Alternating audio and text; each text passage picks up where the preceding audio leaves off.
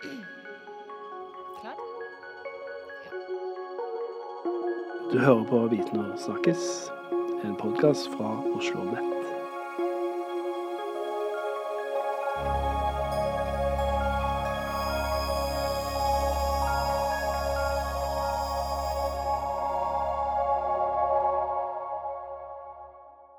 Ok. Vi er klar med en ny episode av Viten og snakkes. I dag skal vi snakke om den norske modellen og det norske arbeidslivet. Jeg heter Stig, og med meg i dag har jeg Helge Svare. Stemmer. Hei. Velkommen. Hei. Og du jobber på Arbeidsforskningsinstituttet her ved Oslo OsloMet, Ja. og forsker på Jeg forsker på innovasjon, jeg forsker på tillit, og jeg har også forsket på den norske modellen. Men du må fortelle meg, Helge, hva er den norske modellen? Ja, den norske modellen, ehm, det er jo noe som er Det er ikke sikkert vi tenker over det sånn til daglig, men det er noe som eh, kjennetegner Norge i veldig stor grad, og som gjøre Norge til det Norge er. Og ehm, det er noe som har vokst eh, frem over tid, eh, historisk. Jeg har lyst til å snakke litt om det straks. Men, men det handler jo da om, om en bestemt måte hvor arbeidstakere og arbeidsgivere og staten samarbeider eh, om viktige ting. Og dette er ganske unikt. eh, Det er typisk for eh, de nordiske landene. Eh, både Island, Finland, eh, Sverige, Danmark og Norge har det. Og så er det veldig interessant da å se at vi, de landene, altså vi, vi er jo også blant de mest vellykkede landene i verden på veldig mange måter. Vi scorer høyt. Og det har antakeligvis noe med den norske, eller nordiske modellen å gjøre, da, for vi kan snakke om en nordisk modell også. Spennende. Det, du må forklare historien bak den norske, eller den nordiske modellen, eller supermodellen, som vi har hørt noe omtale om som òg. Supermodellen, nei, det er et veldig bra begrep. Uh, nei, altså Det begynner jo da på slutten av 1800-tallet med, med industrialiseringen av Norge. Og Norge ble jo ganske fort uh, industrialisert. Uh, og ganske fort et rikt land, mye fortere enn det som mange er klar over. Og så oppstår det da konflikter ikke sant, mellom arbeidstakere og arbeidsgivere. altså Arbeidsgiverne, fabrikkeierne typisk, da, de vil tjene så mye penger de kan. Eh, men de ansatte vil også gjerne ha så høy lønn de kan, og så blir det, blir det konflikt. Og ganske fort, det som skjer da i Norge og i Norden, det er jo at ganske fort så begynner de konfliktene å komme inn i organiserte rammer, fordi man ser at eh, hvis det ikke er det, hvis det bare er sånne ville streiker og lockouter, som det var mye på, særlig på 30-tallet, så, så taper alle på det. Og så eh, det er litt som ikke sant? hvis man har to boksere i en sånn boksering, ikke sant? så er det ingen spilleregler. De kan bare liksom dælje løs alt de kan. Eh, det er egentlig ikke noe sånn, det blir ikke noe særlig bra ja, konkurranse av det. ikke sant? Sånn at eh, det at man da innfører spilleregler. Men vi hadde jo en del konflikter i Norge òg. Absolutt, og eh, det topper seg jo da eh, tidlig på 30-tallet, og særlig da ikke sant, Menstadslaget er liksom et sånt litt berømt symbol. Jeg kommer jo fra, fra det området, ikke sant, så det er, for meg så blir det veldig sånn tett på. ikke sant, Og da, da var det jo sånn at det var nesten borgerkrig. Det ble innkalt militære styrker for å slå ned arbeideropprøret. Eh, Men, men heldigvis da så kom, kom, kom soldatene litt for seint fram, sånn at det ble, det ble ikke noe, det ble ikke det. ikke sant? Men, men det satte inn støkk i både arbeidsgivere og, eh, og eh, arbeidsorganisasjonene. sånn at de, de blir, og, og regjeringen gikk jo da foran og nedsatte noe som ble kalt Arbeidsfredskommisjonen. Det var det Venstre som satt ved makten. Eh, Men de, gikk, de, de var da pionerer på den måten at de satte ned en kommisjon, og så ble man enige om, om noen felles spilleregler. Som var grunnlaget for eh, den første hovedavtalen, som er sånn grunnlov, grunnlov for arbeidet. Men, men eh, Så dette må da være tverrpolitisk? men det var Venstre som altså, Det var veldig bred omslutning om det, det var det. Eh, ellers er det jo interessant at eh, det var jo da en del radikale fagforeninger som ikke syntes det var så lurt med den type sånn kompromiss og samarbeid, som liksom kjempet imot, men det var da de moderate som vant. ja, I den tiden var det jo litt sånn harde fronter. Det den var tiden. harde fronter, ja. Og så, ikke sant, og så har du også da dette med altså, da har du at det ble, dette med at det ble opprettet eh, noen spilleregler som da både arbeidsgivere og og fagorganisasjonene liksom forpliktet seg til, og så var det staten. For det er jo trepartssamarbeid som, som går inn og lager et lovverk, også ikke sant? etablerer sånne, sånne ulike sånne juridiske mekanismer som skal liksom understøtte dette arbeidet. F.eks. arbeidsmiljøavtalen var en sånt gjennombrudd da den kom. Eh, det kom mye senere, men altså de begynner allerede på 30-tallet med den type sånn lovreguleringer. Men jeg bare skjønner, hvorfor, Hva var så spesielt med Norge eller Norden da, dette ja, det kan man måten, eh, lure på, altså. Moderate måten å uh, altså det, jeg, jeg, kan ikke uh, gi noe sånn endelig svar uh, på det, men, men, men det kan jo ha noe å gjøre med at altså Norge i hvert fall da, sammenlignet med en del andre land, hadde, hadde mindre klasseforskjeller. Og vi, vi, hadde allerede en, det er blitt fremhevet at vi hadde allerede en kultur for foreningsdannelse. Eh, og da var det pussig nok, ikke sant, de, de lavkristne eh, menighetene, som liksom visstnok da sant, skal ha liksom lært opp folk i å liksom lage foreninger, og begynner med en sånn samarbeidsorientert kultur. Så kanskje har det noe med saken å gjøre. Så dette må være grunnlaget for liksom, den modellen som vi har i dag? Da? Den ble lagt på 30-tallet? Ja, fra, egentlig fra århundreskiftet, men da særlig på 30-tallet frem til i dag. Norge var jo også et land hvor det var veldig sånn, uh, stor andel av befolkningen som hadde sånn, utdanning. Eh, altså, vi var pionerer i det å lage, lage liksom utdanning i grunnskole. Eh? Jeg tenker at vel, det, er, det, er, spennende å begynne å nøste i det, men det er veldig mye norsk historie som både peker frem mot at vi da kan liksom få til en sånn samarbeidskultur. Og tillit er jo et nøkkelord her. Tillit er et uh, nøkkelord. Og det er helt klart at i samfunn med høy tillit, så er det mye lettere å få til den type samarbeid som den nordiske modellen, eller den norske modellen innebærer. Eh, og så kan man da lure på liksom hva som er høna og hva som er egget. Fordi Noen vil jo også, ja. også si at det er fordi vi er så gode til samarbeid, så får vi enda mer tillit. Antakeligvis er det en sånn ikke høna eller egget-spørsmål, men det er en, en, sånn positiv spiral som gjør at vi liksom har tillit, så samarbeider vi bedre, og så får vi mer tillit, og så, og så er det sånn det utvikler seg. Men eh, sånn i dag da, så snakker vi både om den norske modellen og den norske arbeidslivsmodellen. Kan du forklare litt i de begrepene? Ja, altså Den norske modellen er veldig koblet til det som vi snakket om nettopp, dette med at det er et samarbeid mellom ansatte og arbeidsgivere og staten, men da på organisasjonsnivå. Så det er jo organisasjonene som samarbeider, det er fagforeningen, og så er det arbeidsgiverforeningen, og så er det staten. Mens den eh, norske eller nordiske arbeidslivsmodellen, da er vi liksom inne i bedriftene virksomhetene. Og Der er det mer et sånn topartssamarbeid mellom ledelse og ansatte, uh, uh, som er noe litt annet, selv om det henger sammen. Så, så hvis vi går litt inn i det tillitsbegrepet, hvor viktig det er for den norske arbeidslivsmodellen, ja. det norske arbeidslivet, hva kan du si om det? Hvorfor er det så viktig? Altså, for, for, det første så er det jo helt klart det at, det, det at man fikk til den type sånn spilleregler eh, fra 30-tallet fremover, eller egentlig fra før også, men særlig da, det gjorde jo at konfliktnivået la seg eh, i, i, i, de nordiske landene og i, i Norge. Og når konfliktene legger seg, så er det mye lettere altså å uh, utvikle positive relasjoner på andre måter. Så man får bedre relasjoner da, mellom ansatte og ledelsen. Og sammen med disse lovene som kommer, som sikrer eh, de ansatte eh, innflytelse, det er jo lovbestemt i Norge, eh, så får man sånne samarbeidskulturer i mye, mye større grad. Og Da er det igjen sånn litt sånn hva er høna eller egget, eller hva er det for noe? Men, men, samarbeid genererer tillit. Tillit er en betingelse for samarbeid, sånn at man får da en sånn veldig positiv utvikling. Og da særlig det som særlig eh, på en måte akselererte eller satte fart i det, var jo de såkalte samarbeidsforsøkene på 60-tallet. Ja. Hvor mitt institutt, Arbeidsforskningsinstituttet, var veldig aktivt med. Hvor man da eh, skulle liksom og det var, noe, eh, det var noe i utgangspunktet fagforeningene liksom, liksom, dyttet på for å få til. Eh, men også fordi de tenkte at det var en fordel for eh, bedriftene. Altså nemlig, at, altså, nemlig at de ansatte i mye mye større grad nå skulle liksom være med å påvirke hvordan arbeid blir utført, hvordan uh, arbeidsprosesser skulle organisere, og at de skulle bruke liksom, sin innsikt og hands on praktiske kunnskaper til å liksom, gjøre ting bedre, drive utviklingsarbeid.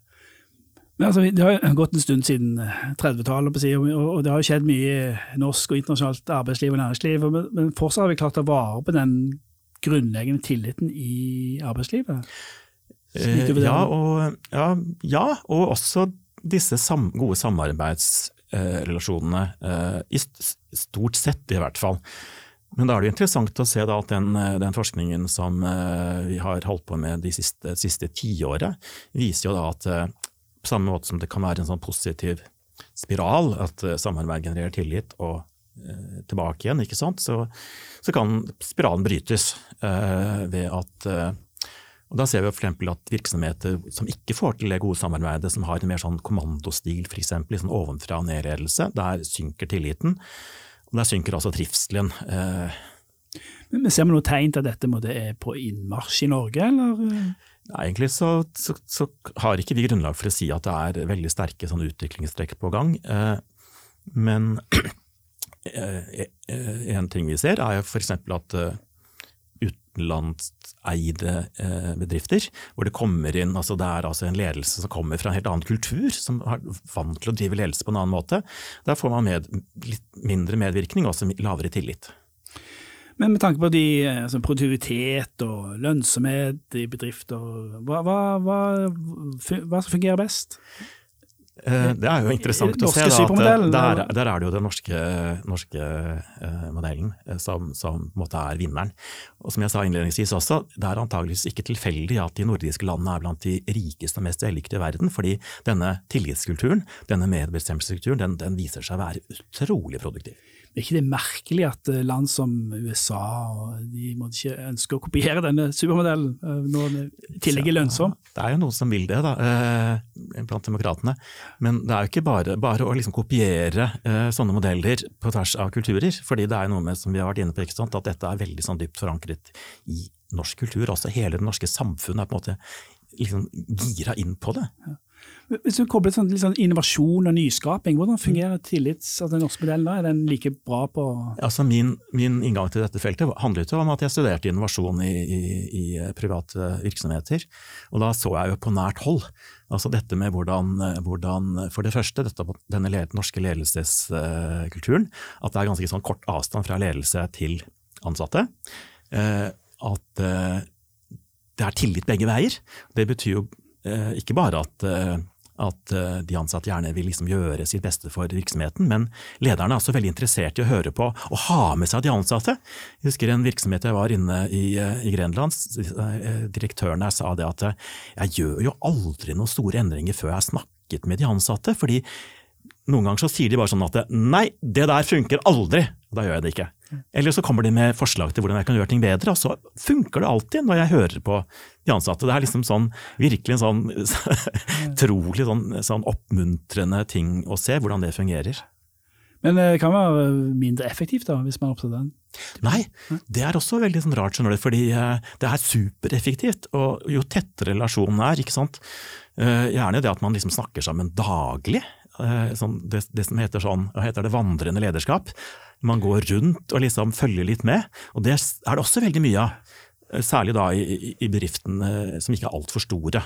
Eh, så små og mellomstore bedrifter.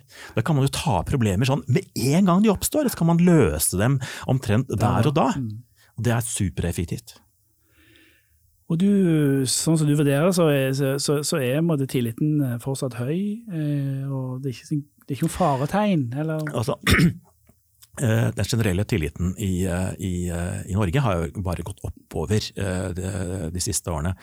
Og så er det sånn som du kan liksom måle tillit mer sånn på ulike områder. Tillit til media, tillit til helsevesenet, til politiet og sånt. Og da, eller politikerne, og da går det jo litt opp og ned.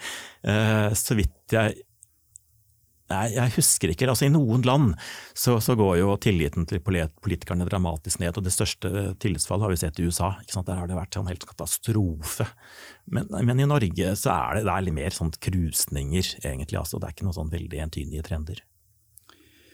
Uh, vi snakker om tillitsreformen. Ja. Hva, hvorfor trenger vi tillitsreform hvis alt er så såre vel på tillitsfronten? Tillitsreformen er noe som, eh, som, eh, man eh, nå fronter i offentlig sektor, ikke, privat. Det er, det er, det er liksom noe litt annet. Men, men, både i norske kommuner og nå liksom hele den rød-grønne regjeringen hadde jo det med i Hurdalsplattformen, at nå skulle hele offentlig sektor ha en tillitsreform utgangspunktet så er det jo litt det samme som egentlig vi så tilbake fra 30-tallet, at det er, det er fagforeningen som presser på. Fordi de sier sånn, våre ansatte har jo en unik kunnskap. altså Bedriftene bør høre på de ansattes kunnskap, gi dem spillerom til å være med å bestemme. Fordi, fordi da, da, blir det bedre. Og Tillitsformen er jo nettopp det at man da prøver å gi noe av uh, makten tilbake til første, førstelinja. I, uh, altså, jeg har studert i Oslo kommune, og der er det særlig hjemmetjenesten sant, som var blitt veldig sånn fjernstyrte. Det var sånne bestillerkontorer som satt og liksom bestemte alt, og så skulle hjemmetjenesten liksom bare gjøre det de ble fortalt, uten å ha noe som helst de skulle ha sagt. Og Der har nå makten blitt tatt, sånn, gitt tilbake, mm. og, og, det gjør at de kan være mye mer fleksible i måten de løser oppgavene sine på. Det er ett eksempel. Da. Hvordan ledelse i den type kulturer, hvordan utøver man ledelse i sånn der man altså, har mest mulig tillit til ja. Ledelse blir mye mer koordinering, egentlig. Ikke sant? Ikke, ikke sånn si liksom, nå gjør du sånn og sånn og sånn, men det er også, det er også å ha veldig gode kommunikasjonsprosesser, sånn at liksom, kunnskapen eller informasjonen flyter, sånn at alle har del i den. Og så er lederens oppgave mye mer at man koordinerer, hjelper, eh, hjelper de ansatte da, å liksom tolke kunnskapen og, og, og, og la dem få gjøre jobben sin, enn å bestemme over den. Hvis vi hever blikket litt av oss sånn, og ser utover, ser fremover i tid, hva, hva tenker vi tenker du om den norske modellen? Vil han stå sin prøve? Altså, er det måte Altså, det ser jo egentlig sånn ut, da. Fordi altså, Greia er jo at den er ikke kontroversiell i det hele tatt. Det er jo egentlig noe alle støtter opp om. Akkurat som som det er blitt sagt litt sånn spøkefullt at alle i Norge er egentlig sosialdemokrater, selv Høyre er sosialdemokrat. De bare er det litt på litt forskjellige graderinger eller sjatteringer, og sånn er det tenker jeg også med den norske modellen. Det er ingen som egentlig kan være imot den, og det er fordi det har liksom vist seg hvor utrolig vellykket uh, den er. Og den står òg eh, stødig i det globaliserte næringslivet vi er en del av? Ja, det, det, kan man jo selvfølgelig lure litt mer på da. Og det er jo forskjell på, hvis du ser på ulike sektorer i, i Norge også, på hvor, hvilken grad den er realisert. Eh, men da har det blitt sagt, da, det har kommet forslag at f.eks. For at eh, Eh, alle, alle, utenlandske ledere som kommer til Norge, eller eiere også for at de må liksom gjennomgå et sånn obligatorisk kurs ja, ja. hva den norske modellen er, og liksom lære hvor bra den er. Uh, og vi, vi på OsloMet vi, vi liksom snakker jo litt sånn sammen om kanskje vi skal prøve å liksom lage en annen type ja. utdanning. Uh, eller så har jeg også eksempler, det blir mer sånn anekdotisk, da, men på utenlandskeide selskaper hvor ledelsen først ikke sant, de skjønner på en måte ingenting, de klør seg i hodet og lurer på hva dette tullet er for noe. Liksom Gi de ansatte så mye makt og innflytelse. Ja. Og så plutselig så skjønner de hvor smart det er, og så, og så endrer de da stilen sin. Så, så det, det, er helt åpenbart at det, det er liksom så åpenbart, da, egentlig, at, at, alle burde kunne forstå det. Men tror du man har vokst opp med den tillitskulturen, eller kan man lære det? Eh, vi tenker på, på sånn spredning av den norske modellen til andre land, om dette vil noe andre land vil ta opp. Altså, The Economist har jo skrevet den norske modellen, den norske modellen. Det er vanskelig å si, altså. Um, jeg hadde en sånn ganske sånn, eh, sånn, sjokkerende opplevelse for noen år siden hvor jeg var på en sånn arbeidslivskonferanse i, i England og hørte på engelske, britiske tillitsvalgte som, som uttalte seg om bedriften sin. Mens i Norge så er det en selvfølge at de ansatte gjerne vil at bedriften skal gå bra. Fordi de skjønner at da får vi, da, det, det, får vi også liksom glede av. Men der var det sånn at aldri i verden om vi skal hjelpe vår bedrift å tjene mer penger. Aldri i verden, for de bare tar pengene og stikker av, liksom. ikke sant? For de hadde ikke den opplevelsen at de da jobbet for et sånt fellesprosjekt. Og for egne arbeidsplasser, egentlig. Nei, nei, det er veldig rart. Ja. Og så utrolig sånn trist. Det er klart at hvis det er det som er den grunnleggende liksom, tenkemåten, holdningen, så er det, det er sånn som det tar tid å endre. Ja. Bra. Uh, er det noe mer du vil legge til? Nei, ikke annet enn at eh, det, hvor, hvor, som, i forlengelsen har vi nå snakket om liksom hvor sammenvevd den norske modellen er med alt det vi oppfatter som liksom bra med Norge. Eh, og at det er kanskje lettest å se det når man kommer ut i litt sånn mindre eh, samfunn. Altså, eh, dette med at det er, eh, at det er eh, kort avstand mellom ledelse og ansatte, og at derfor så hører hører ledelsen på de ansatte, de ansatte hører på ledelsen. Og det er gode relasjoner. ikke sant? At det har å gjøre med at uh, man bor i nabolag hvor direktøren er nabo med, med ikke sant, vaskekoner og, og, og, sveisere, og barna går på samme skole, uh, de spiller på samme fotballag. De møtes liksom ute i det i det likestilte, liksom egalitære norske samfunnet som nesten ikke har klasseforskjeller. ikke sant? Og da blir det også veldig sånn bra kultur for medvirkning og, og tillit i, i, virksomhetene. Og det går begge veier. Tusen takk, Helge. Det var interessant å høre om. Eh, vi håper at denne norske modellen består, og at vi fortsatt kan ha høy grad av tillit i samfunnet. Eh, veldig spennende. Og tusen takk for deg som hørte på. Eh, vi kommer tilbake med nye og spennende episoder på Viten og snakkis.